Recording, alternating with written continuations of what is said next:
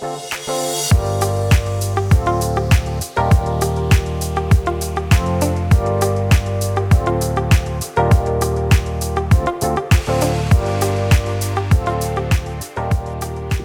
välkomna till ett nytt eh, avsnitt av Högräntepodden. Det är jag som är Stefan Westfeldt. Gustav Andråker.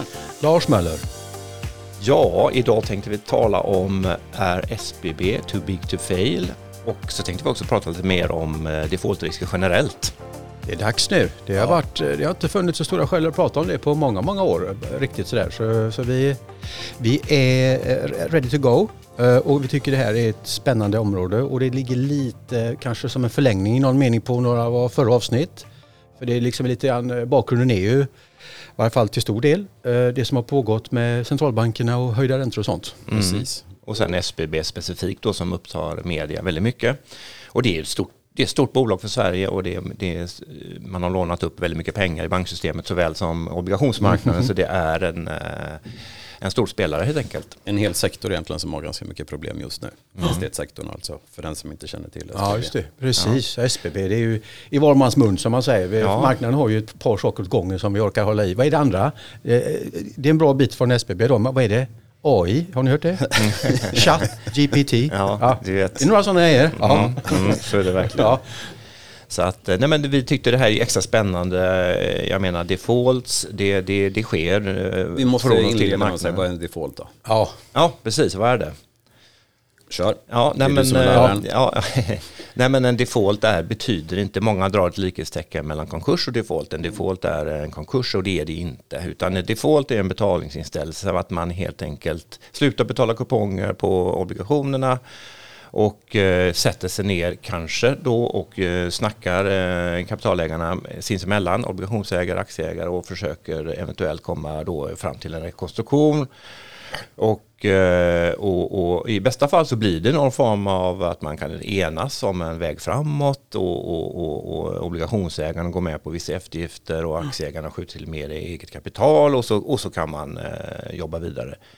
Det är en positivt scenario. Ett annat är att faktiskt man inte kommer överens och, och, och det blir faktiskt en... Eh, och det kanske blir att obligationsägarna blir sittande med bolaget i knät och försöker sköta det själva. Eller så blir det faktiskt en konkurs. Obligationsägarna säger också att vi, det här fixar vi inte utan eh, då blir det en konkurs. En konkursansökan och då... Men i de allra flesta fallen blir det faktiskt en fortsättning. Det ska man ha klart för sig. Om- Zoomar man, ut, eh, zoomar man ut lite från det du beskrev just eh, Stefan då, som inte är, liksom, det är inte något, man talar inte om detta liksom i, i, i sådär. Under långa tider har det inte funnits skäl att tala om det så mycket då. Men om man zoomar ut lite så både som aktieägare förstås och som obligationsägare är man ju ytterst exponerad mot den här risken då. Default eller konkursrisk. Det är ju liksom det som är specifikt för, för ränte och obligationspersoner är ju att det, det, det är mer specifikt den risken som man eh, liksom, är, eh, ställer ut en försäkring mot. Ja. Eh, Så man ligger verkligen rakt exponerad mot kredit, eh, default och konkursrisk när man investerar i en, i en, i en corporate bond. Då. Så här gör ju förstås att hela den liksom, eh, eh, sammansättning av riskfaktorer som ligger under en, en, en konkursrisk, det är den som ytterst som, som man ska ha kompensation för med viss eh, råge. Då. Och, och, och, och det är ett skäl till varför eh, varför man får betalt, eller ett huvudskäl till varför man får betalt på lång sikt för att vara investerad i en, eh, en, en kreditobligation. då. Ja, och som förvaltare så anser jag att det är det absolut viktigaste att försöka undvika så många konkurser som möjligt. Därför du har ju en begränsad uppsida. Den är inte som aktiemarknaden att det kan gå 100%. I vissa fall så ja visst, man skulle kunna teoretiskt ha en 100% i avkastning. Men, men vi vet om när vi köper obligationerna att håller vi den till förfall så har vi 5, 10, 12% avkastning. Och blir det då en default i, i portföljen så, så drabbar det din, din avkastning extremt mycket i år. Så, så kan du få bort konkurserna så har du en bra förväntad avkastning på din portfölj. Eller Ja, det är ingen tillfällighet att, eh, att nedsidan står i fokus här och man slicear och dicear och, och, och verkligen tittar på det. här. Men det är ju intressant att säga Stefan, det man ska hålla, liksom det, the devil is in the detail här igen. Va? Det, är liksom, det är viktigt att hålla några grejer isär Stefan som du är inne på här. Ja. Ja, Recovery rates till exempel. Ja, ja. ja, det är också precis. Och det är ju inte så att man förlorar hela, hela beloppet. I, I snitt så är det mer 60 procent. Alltså jag tror den genomsnittliga recoveryn ligger på 40 procent över långa tidshorisonter. På en, en, en defaultad obligation. Som också varierar över tid lite då. Det beror lite på vilka omständigheterna i övrigt är förstås. I en Ja. djup lågkonjunktur så är det lägre, ja, absolut. Och vice lite över, versa. Sektorer, rating på, på obligationer och, och senioritet på obligationer varierar. Men vad som är lite extra specifikt nu då med SBB och de här stora bolagen, samma med Credit Suisse, vi tänkte återkomma till det lite längre fram, Ja. men, men eh, alltså det är ju, här är ju bolag som är riktigt stora och det finns ett fenomen, too big to fail, som vi har behov av att eh, gräva lite i, för det, det, det är väldigt viktigt som eh, kreditinvesterare att man eh, förstår dimensioner av det där, för det, det, det, vissa, vissa bolag är samhällskritiska och då blir hela, hela default-scenariot annorlunda helt enkelt. Såklart. Det finns, det finns intressenter här som inte vill se en default. Och det var faktiskt så att Credit Suisse defaultade faktiskt aldrig. nej, okej, nej, precis. På grund av att man vill inte ha det. Mm. Eh, och, och vi har SAS och så vidare. Så, att, så att det här är, det här är eh, väldigt spännande materia. Jag tänkte säga, vi har ju fyra bolag i Sverige som vi kan säga är systemkritiska, viktiga för samhället. Och det är de fyra stora bankerna, Nordea, SEB, Swedbank och, och Handelsbanken. Där råder det väl inget tvivel om att de är Nej. systemkritiska. Såklart, såklart. Nej, men det, För men att sätta en definition för Ja men absolut. Men, hel, till och med återigen, om man igen zoomar ut, jag bara håller på att zoomar ut här idag, men ja, jag fortsätter med det idag. Ja, det. Vad heter det? Det finns ju paralleller i någon mening, det här too big to fail begreppet som ju, som, ju, som ju ligger där lite otydligt då som vi är inne på här. Vi vet inte, man vet inte exakt vad det innebär. Som innehavare av obligationer så vet man det innebär ett sorts skydd. Så på det, i den meningen har det lite grann samma funktion riskmässigt som den här Greenspan-putten vi pratade om för aktiemarknaden. Va? var ligger den här putten någonstans på, då på den tiden när Greenspan var, var chef och hur ligger den nu när Powell är chef? Too big to fail har lite av den karaktären. Va? Var, var, går gränsen? Och när, när steppar, i, här, i, de här fallen kanske eh, staten, myndighets, myndigheterna in och, och transfererar över risken på något sätt. Exempel på sånt här var ju högaktuellt igen då. I, i, vi återkommer till den här Global Financial Crisis men, men, men det var ju en definierande tid i marknaden och, och, och här drogs gränser på lite olika håll. Lehman, Lehman var too big to fail men, men det var inte tydligt var alla gränserna gick då. Liksom. Så här är ju, det är intressant. Vad händer nu? Vad, vad är, vilka är det? Ja. Och, vilka driver är det? Vem bestämmer det? Alltså vilka intressen är det som driver det här? Det är intressant tycker jag. Superintressant och jag menar titta på Credit Suisse då, där är de seniora obligationsägarna ägarna tappade ingenting. Nej.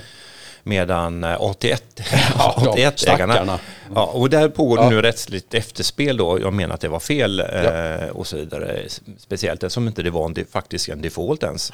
Och, och eh, de borde, de borde ha fått aktier och eh, det har de inte fått och, och väldigt märkligt. Och det där, eh, det där kommer nog, eh, vi får se hur det Ja. spelas ut. Men ECB och, and, och den europeiska bankmyndigheten gick ut så att så där kommer det inte, det scenariot kommer inte ske i Europa. Nej, precis. Eh, Det kan ske tydligen i Schweiz då. Men, Ja. men, men eh, Och, och som jag vill påpeka på ett annat, det var ju under bankkrisavsnittet för övrigt vi pratade om detta också ju att, att även andra som Bank of England, och andra var ute och var väldigt, väldigt snabbt ute och väldigt tydligt ute att den prioriteringsordningen där 81-innehavarna kommer efter aktieägarna, det, det, det, det händer inte här liksom. Va? Men det, det, var, det var ändå en, en liten watershed i, i, eh, i, den här, i den här delen av världen då. En, får slänga in en annan grej där. Nu- Nu pratar jag om institutionerna runt det här och sånt där. Va? Och en institution som faktiskt typ av institution som inte finns i andra marknader eh, för andra finansiella tillgångar det är ju kreditratingsinstituten som ju spelar eh, eh, ingen roll kanske i, i, i förfarandet kring defaults och konkurser och så. Eller för den delen i, i dynamiken kring de, eh, too big to fail. Men de spelar ju en ganska stor roll från tid till annan i varje fall när det gäller eh, investerares beteenden runt kreditrisk. Och, och det här kreditratingsförfarandet är, tycker jag en intressant grej som en del av, av, av kreditmarknaden. Man tar den för given, den finns där, alla vet vilka de är. Det är Standard Poor, det är Moody's, det är Fitch och sådär. Men det är någonting där som ju inte som, inte, som skaver lite för mig. Och, eh, och eh, de kom ju också då väldigt mycket i fokus efter eh, den här finanskrisen på, på, på 2000-talet och i synnerhet då när det gäller deras kreditvärdering av komplexa derivat på fastighetsmarknaden och, och, och bo- bostadslån och sånt då. Så ja. ja. Det var ju de här AAA-ratade subprime-tranchen och sånt Ja. där. De, det fick, Ja. Där blev det mycket kritik. Alltså. undrar varför? Ja, precis. Sen är det så också, det är lite märkligt att eller märkligt är det inte, men bolagen betalar ju för sin egen rating eller så. De betalar Standard Poor för, för att göra Ja, en, en, en rating på mitt bolag. Och, och om de sänker kreditbetyget på mig, Mm. är jag då intresserad av att fortsätta betala? Vill jag exponera för marknaden och så vidare? Vill jag då ha en rating? Den modellen, såg, den modellen såg annorlunda ut fram till 70-talet. Jag läste om det här, det är en ganska kul liten eh, story. Innan jag kommer till den storyn, för det, finns en, det var en teknikinnovation som förändrade betalningsmodellen för kreditratingsinstituten på 70-talet. Jag återkommer till det. Jag ska ha en liten quiz här nu. Eh, För lyssna, vi brukar ha sådana här kreditquiz på fredagar oftast tillsammans. Men nu tänkte jag slänga in den här. John Moody startade den första credit rating agencyn 1909. Jäklar. Vilken sektor var det han täckte för investerare med sina kreditutvärderingar tror ni? Jag tror 1909. Jag tror att det var tändstickssektorn. Ja, banker. Ja, det är fel båda två. Det, det tänkte jag nästan att ni hade skulle ha fel på. Järnvägssektorn, det låter, när man Just hör det, det, just det, it makes a tons of sense. Ja, Ja, ja. Så, så, ända sedan dess då har det funnits någon form av eh, kreditratinginstitut. Och så det är en gammal historia. Deras business byggdes faktiskt upp på att ta betalt av investerarna fram till 70-talet. Men när kopiatorn kom så kopierades så, så jävla mycket ut, utlåtanden. Va? Så de hade ingen business kvar. Och då började de, som du är inne på, eh, eh, med den, med den liksom moral hazard-problematiken som kommer med att utgivarna sen fick börja betala. Ja. Och det är klart att det driver väldigt konstiga incentives här. Va? Ja, det var en parentes, men podden gillar parenteser Ja, också. ja, det är bra. Ja, det är bra. har vi också lärt oss något idag. Det är bra. Det här var spännande. Men, men, Men eh, jag måste säga en rolig grej där. Det är faktiskt så att normalt sett så slutar ju S&P och, och ratea bolagen. Ingen nämnd, ingen klämd och så vidare. Men det finns ju faktiskt ett svenskt bolag som, som jag har hört att de fortsatte att att betygsätta utan att få betalt. Ja, okej. okej. De blev lite upprörda när de liksom Ah, ja. nedgraderar dem och de vill Ja. inte längre... Nej, ja, men det, är, Ja. det är en stor del av informationsmängden i kreditmarknaden i alla fall. Det, det är de här ratingarna och de, och de är väldigt de spelar roll här och, och man måste förhålla sig till det på något sätt tycker jag. Kanske någonstans eh, när man är investment grade investerare. Om man ska få en pickup bara på 50, 100, 150 punkter som man får när man går investment grade.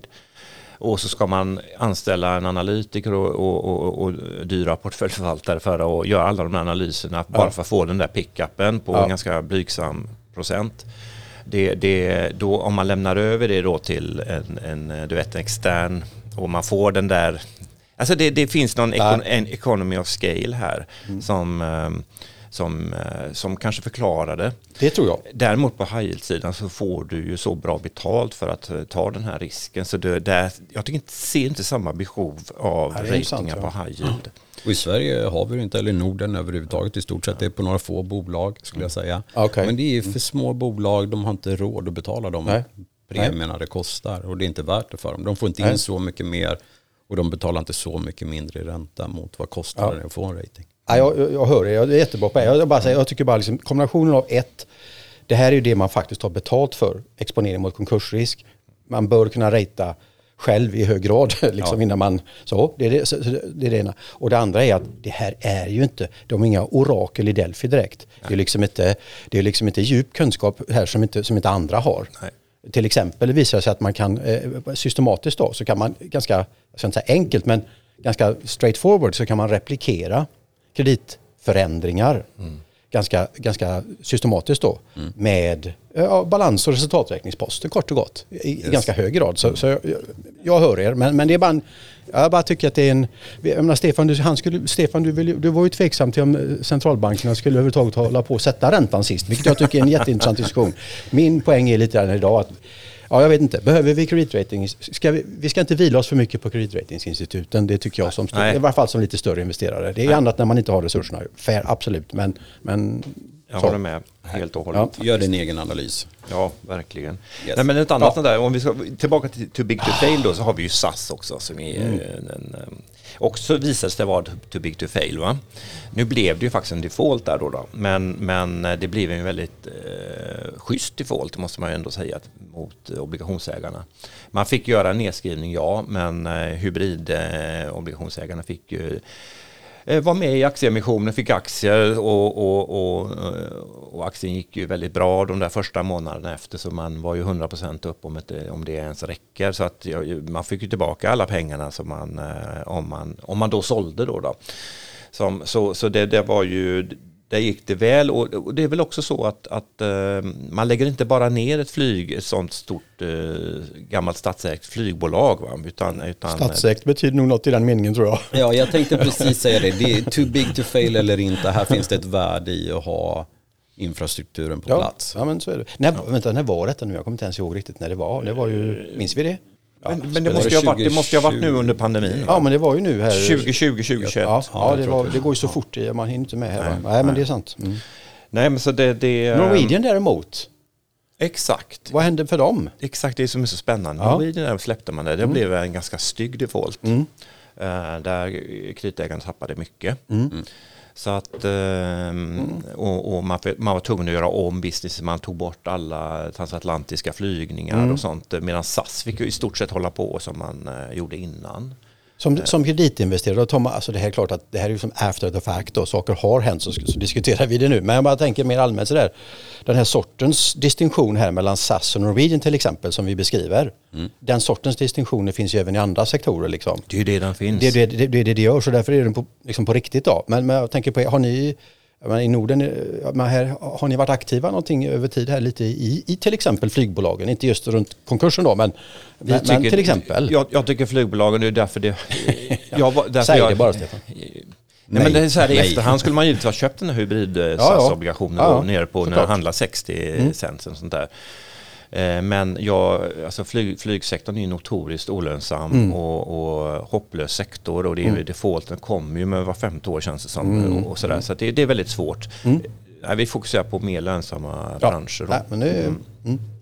men, men SBB då, det är, där, det är där jag tycker det är så intressant att uh, här är det, jag menar i alla fall att det finns fyra, fem, sex fastighetsbolag i Sverige som är too big to fail. För de blir för stora, banksystemet är så insyltade. Eh, och, och, och, det blir för eh, Messi med mm. en, en, en, en, en hård default mm. bland någon av dem. Så här kommer banksystemet eh, hjälpa till och, mm. och även eh, du vet, pensionsfonder, mm. Eh, statsmakten. Jag kan tänka mig att finansministern, om det här skulle gå ännu sämre för nu nya vdn i SBB ju, mm. och komma till någon sorts bra balans, alltså struktur på, mm. på, på balansräkning fram. Men du menar att det skulle kunna komma, för det tror inte jag, något, något statligt nödlån till, till bolaget Nej. för att överleva? Jag tror inte de behöver det faktiskt. Nej. Men, det, okay. men det, det, skulle faktiskt kunna ske. Ja, men precis, Bara för att man, man vill inte att eh, kommun, polisstation och kommunhus Nej. hamnar i, i, i Kina eller på någon, ibland eh, Nej riskkapitalister i New York eller något sånt där va? Nej, välj. Ja, precis. Vilken.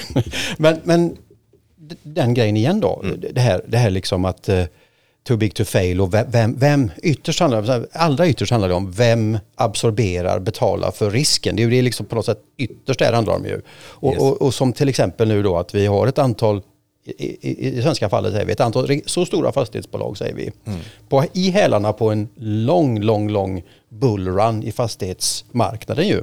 Som har blivit tillräckligt stora för vad? Vad, vad, vad menar man? Alltså de är för stora för att bankerna ska orka realisera riskerna i sina balansräkningar. Liksom. Det, är det. det är det vi pratar om här och Nå, då får något annat ske. Når nå man den kritiska storleken så har man det ganska bra. Ja.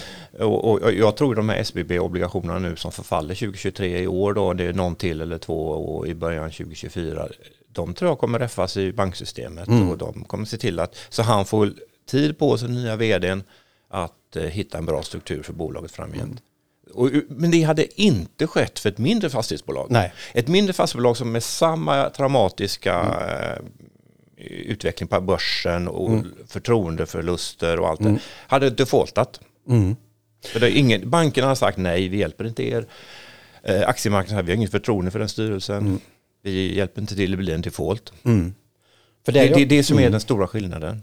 För det är också skillnad tycker jag i alla fall. Jag tror vi var, även detta var vi inne på under vårt avsnitt om bankkrisen, nämligen det här återigen då, det här too big to fail, i det begreppet ligger ju någonstans, någonstans måste ju risken absorberas. Mm. Och jag tycker det, det går en, en skiljelinje, ett streck mellan, eh, om den, den risken eh, förväntas absorberas av skattebetalarna eller om den eh, absorberas av bankerna, aktieinnehavarna, obligationsinnehavarna eller andra eller någon mix därav då. Men i det här sammanhanget, det vi pratar om här, är på det viset an, väldigt annorlunda, tänker jag då, än till exempel vad som hände i svenska banksystemet under finanskrisen när, när, när ytterst skattebetalarna fick vara eh, den, de som, vi som absorberade chocken. Sen, och, och kostnaden för det. Här, här är ju annorlunda då. Eller? Jag menar, här, här är helt jag andra... Tycker... Eller tror vi inte det? Är det så att det kan hamna på säg, Man... näringsdepartementet? Ja, jag, ja, jag är på din sida här Lars, att jag tror inte att skattebetalarna riskerar att behöva ta risk eller gå in och rädda SBB. Men det finns också skillnader. Jag tänker på det vi pratade om, om eh, finanskrisen 2008. Carnegie hade ju enorma problem 2008. Mm. Eh, fick ta stora avskrivningar och blev räddade trots att de inte tillhör en av de här fyra systemkritiska som jag nämnde tidigare. Eh, då räddades de. Men mm. HQ 2010 räddades inte. Jag vet inte om HQ var lika stora som Carnegie. Nej, sådär, men ungefär riktigt, sam, sam, samma liga ändå. Mm. Under de fyra stora. Mm. Och de räddar man inte. Och då tror jag att det har att göra med att i finanskrisen så var det så enormt oroligt och stressat. Mm. Så då valde staten att gå in och, och, hjälpa Carnegie, tog över egentligen aktierna också. Ja, okay. eh, och eh, sålde det sen vidare till Bure eller Altor. Okay. Ja, ja. ja, jag det. Eh, hur som, då väljer man att rädda och det tror jag var att det var så mycket oro totalt i marknaden. Mm. Men den fanns inte riktigt 2010, då hade vi lämnat lite bakom oss. Mm. Jag kan ha fel men jag tror Nej, att det, det, har med det att göra. För mm. det är lite som du sa tidigare då Lars. Ja eh, Lehman Brothers. Mm. Skulle man ha räddat dem eller inte? Mm. Mm. mm. Nej, det, mm. Pest eller kolera? Men den här SBB-storyn då som jag var inte speciellt insatt i. Det, men, men liksom det här, vad, vad, vad, vad vet man? Alltså liksom, vad ska man förvänta sig händer nu då? Jag tycker grejen är så här att det, det är inget fel. Att det är bra fastighetsbestånd och, och, problemet är att på den typen av fastigheter yield, alltså avkastningen för fastigheterna är ganska låg. Så man måste, ska egentligen vara ett investment grade-bolag som är ganska billig upplåning för att kunna hantera, för att kunna göra en sån affär lönsam. Okay, såklart. Så att SBB har ju nu åkt ner lite i high yield. Marknaden prisar ju in långt ner i high yield. Mm. Just på grund av all oro, förtroende, kris, oro. Mm.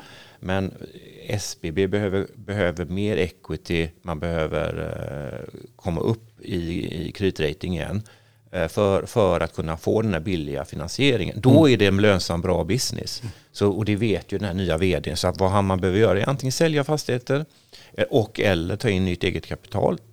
Så att man kommer upp i, i, i, i kreditvärdighet. Då, då, är det en bra business igen. För det är egentligen, han har kommit åt fastigheter som få andra mm. fastighetsbolag har gjort. Hur, se, hur ser nu då, liksom, just nu, igen om vi går tillbaka till det här att det finns ett antal riktigt stora och inflytelserika och viktiga på olika nivåer då, eh, fastighetsbolag här som jag misstänker har lånat upp en del pengar i obligationsmarknaden över åren. Så där. Hur, hur, hur diskriminerar marknaden här? Vad, vad, säger marknaden om de här fem andra bolagen nu då? Man gör en stor... I köl, kölvatten på det här menar jag. Liksom. Mm. Man gör en stor skillnad mellan uh, hybridobligationerna och seniora obligationer. Ja. Seniora obligationer går ju mycket bättre. Eh, för man menar att det är osannolikt att de kommer bli hittade här då mm. i en eventuell default. Mm.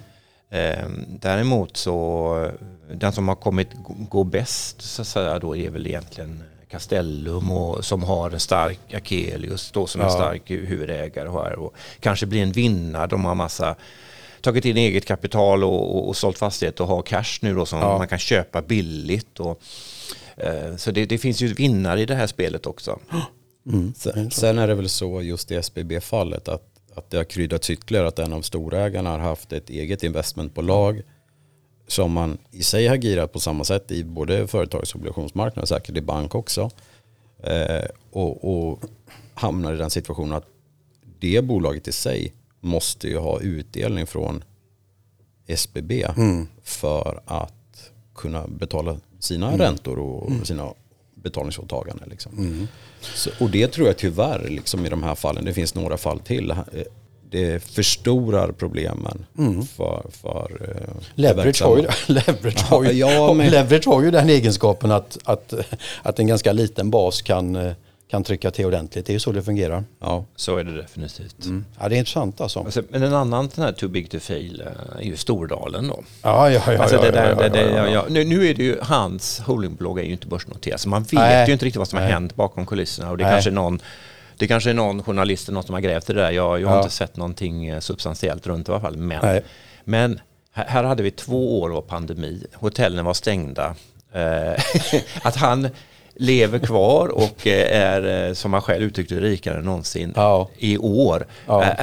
Det hade, alltså, hade inte han varit too big to fail så hade han inte varit där han är. Ja, han, han till och med tid att spela in ett avsnitt för, på Solsidan såg jag. Jaha, du. Han är med där nu va? Ja.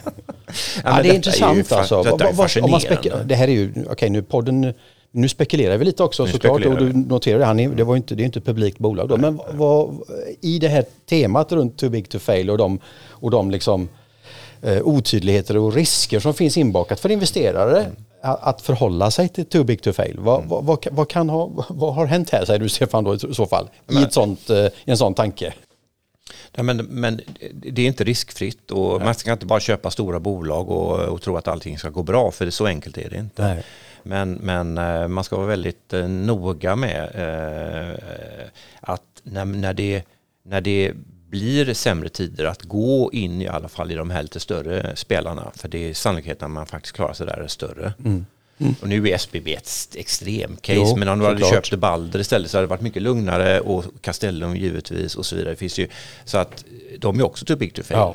Men, men det är också någonting, det är lite det här med begreppet extremcase och sånt, det, är lite, det, det säger någonting va? Jag menar, det är alltid någon typ av extremcase som dyker upp när defaultcykeln kickar igång. Ja. Så, så det, som kändes, det som känns som extremcase och, och kanske också är det på några sätt då, det, det, är liksom en del av vad som faktiskt sker när defaultcykeln börjar kicka igång. Mm. När omständigheterna är sådana att det börjar röra sig ordentligt här och, och, och återigen, vi har ju varit inne på det i våra senare avsnitt här, att det, det är det finns en brygd av makrodrivkrafter här som har byggt upp också under lång tid då, som tillsammans gör att, eh, att, att, att miljön är liksom mycket mer sårbar och känslig för att en bredare cykel av konkurser eller, eller defaults faktiskt kan komma att inträffa även utanför sig i, i det svenska fallet, de här, stora, de här fastighetsbolagen och så vidare. Va? Så ja, det är extremt, men nej, inte när defaultcykeln går igång. Nej, det är helt sant. Och, och det, det, är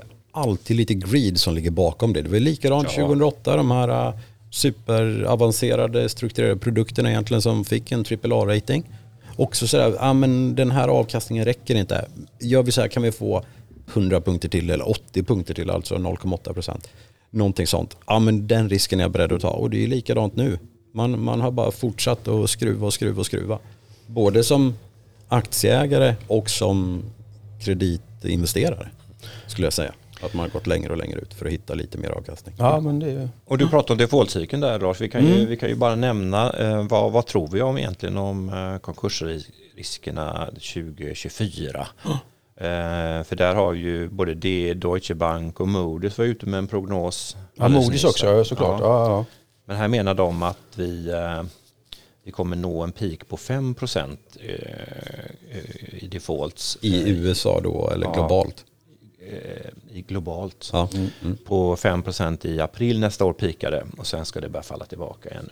Och det där ska man ju då veta att det är faktiskt ingen jättehög med tanke på om man tittar på andra lågkonjunkturer så, så, så är det en blygsam, lite mer blygsam nivå. Mm. 4,1 procent är den genomsnittliga default enligt Moody's ja. eh, över, över cyklerna. Då.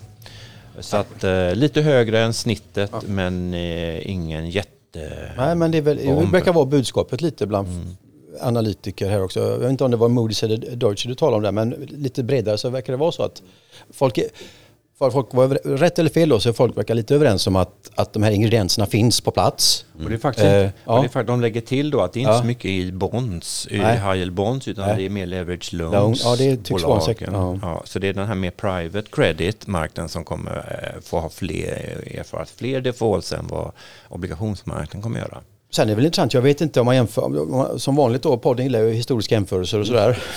och eh, av en anledning för övrigt, för det innehåller, den innehåller viktig information som man kan använda sig av. Ja, eh, det är inte bara så att vi är historieintresserade här. men, utan, eh, men eh, det är klart att, eh, okej okay, så jag, jag tänker bland de, bland de grundkrafter som, som driver en sån här cykel, eh, det är, det är ett par stycken som i varje fall är viktigast, sen finns det ju annat då som, som på något sätt eh, eh, för, förvärrar eller, eller, eller mildrar omständigheter och sånt. Men det vi har, det vi har som, är, som är riktigt kraftfulla ju är ett, vi har en riktigt, riktigt snabb och aggressiv höjning av, kort, av, av, av räntor allmänt. Den har vi och det är även i historiskt ljus vet vi och den, den är väldigt kraftfull.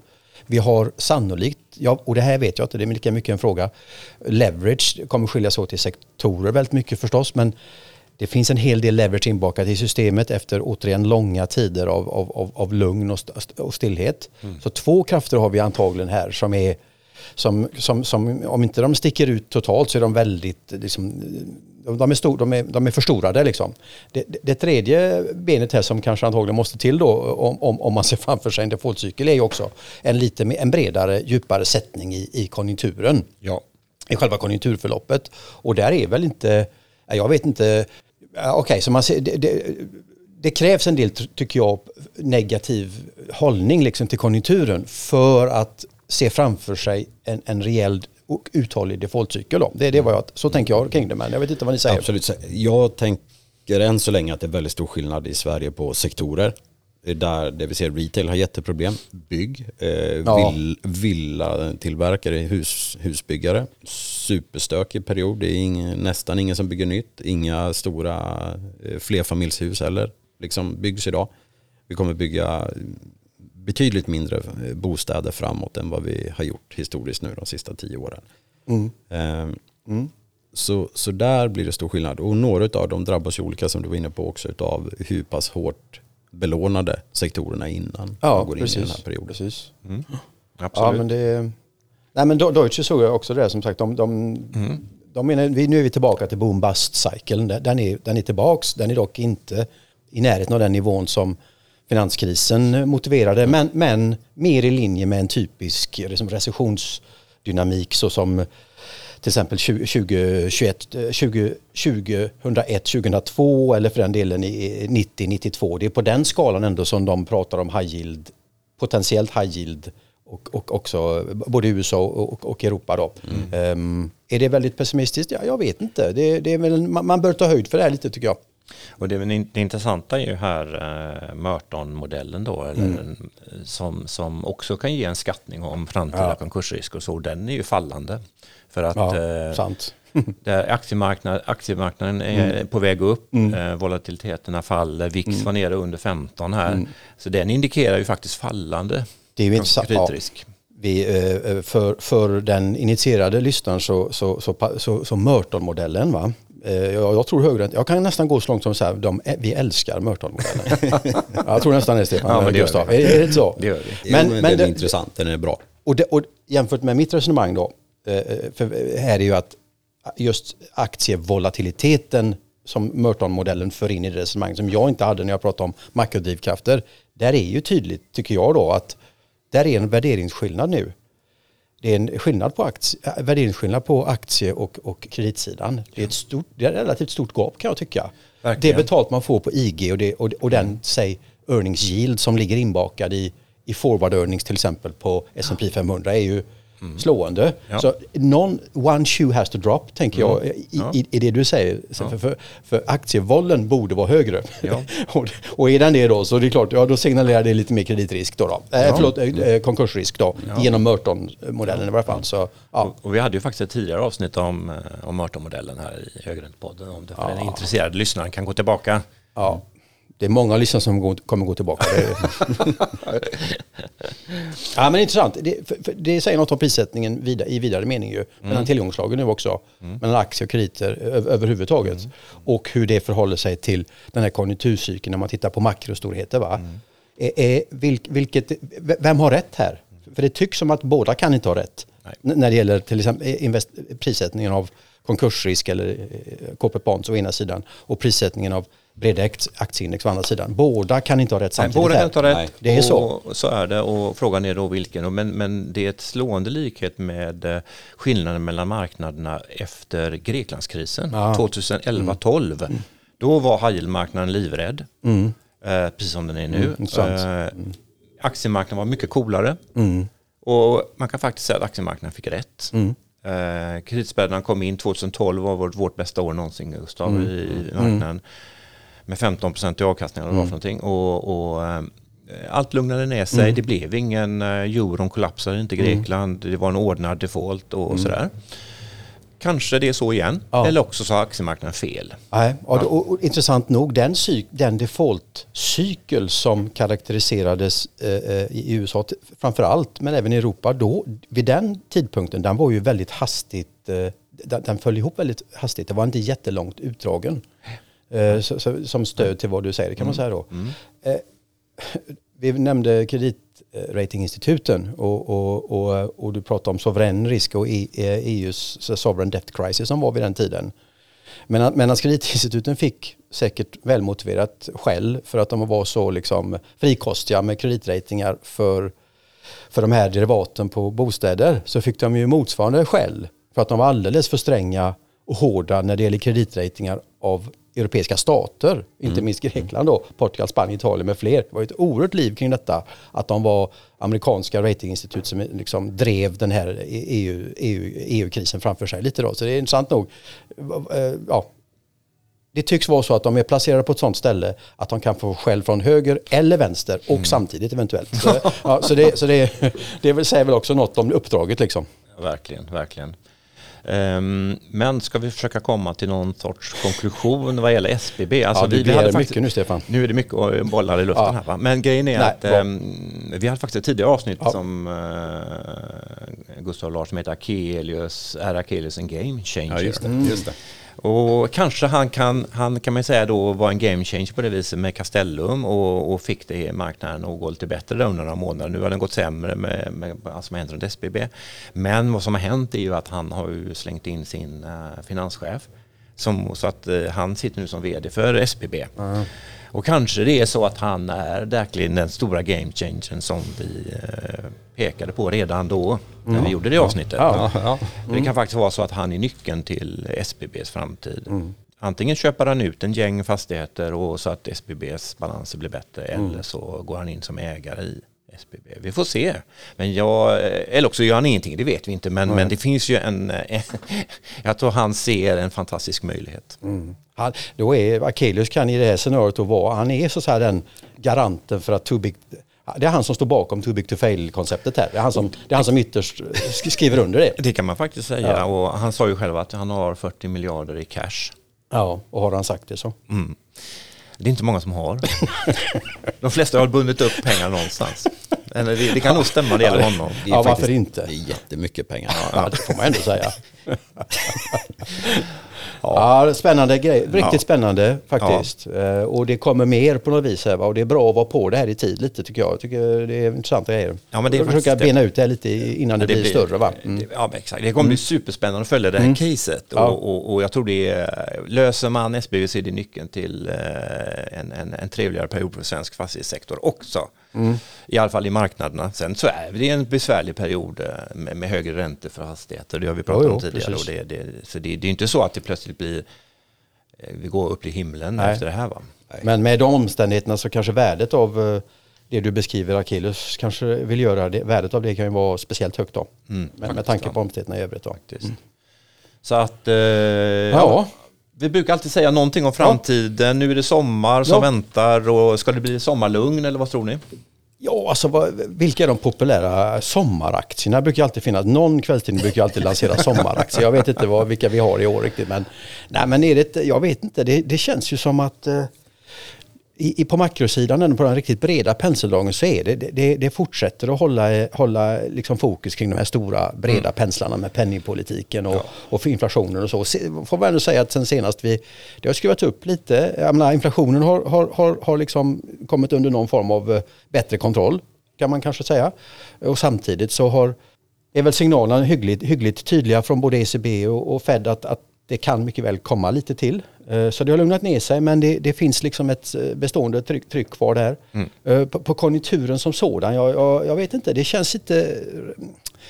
Det, det känns någorlunda, någorlunda, någorlunda tryggt på nedsidan. Det, det känns som att den här värsta botten bottnen, potentiella bottnen i konjunkturen inte kanske är så djup som, som, som den skulle kunna ha varit i det här läget. Men, ja. Vi pratade väl om eh, den här kreditklockan eh, vid tidigare mm. avsnitt och det, det, kanske ändå är så att vi är inte riktigt klockan tre än utan eh, vi är förmodligen i ett läge där att eh, yield on, alltså det, mm. det obligationsmarknaden ska kunna göra det bättre än aktiemarknaden här mm. med tanke på att lite medioker vinstutveckling. Mm.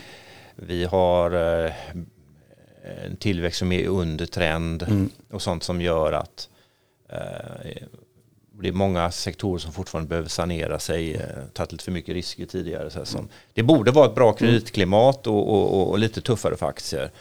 Det har, det har inte riktigt varit så hit. Ja, Europa har ju kommit ja. ner i kreditspreadarna, alltså det vill ja. säga att obligationer har gått ganska bra. Man mm. ser mindre oro i, i Europa. Mm. Så är det faktiskt. Och det är mm. faktiskt aktie, när vi säger att aktiemarknaden gått bra så är det egentligen ett gäng stora bolag som mm. gått bra. Om man tittar på mindre bolag så är det fortfarande slitet. Ja. Och, och, så att eh, det kan nog stämma ändå att eh, generellt att eh, kreditmarknaden gör det bättre det här läget. Där, är, där är, det är en gammal, den är, ju, den är ju intressant den där, jag fastnar ju på den igen då. Men, men det här med att, den är, att, att uppgången i framförallt S&P 500 kanske, eller del amerikanska marknaden är så tunn liksom. Uh, och, och, det här att, att, jag bara såg en, en av storbankerna här som släpper ut en helt ny färsk rapport igår. Eller någonting. Alltså, andra meningen här, då känner man igen en del grejer. I uh, signal, monetary policy signaling, further rate hikes och sådär. Sign that inflation is continuing to reset.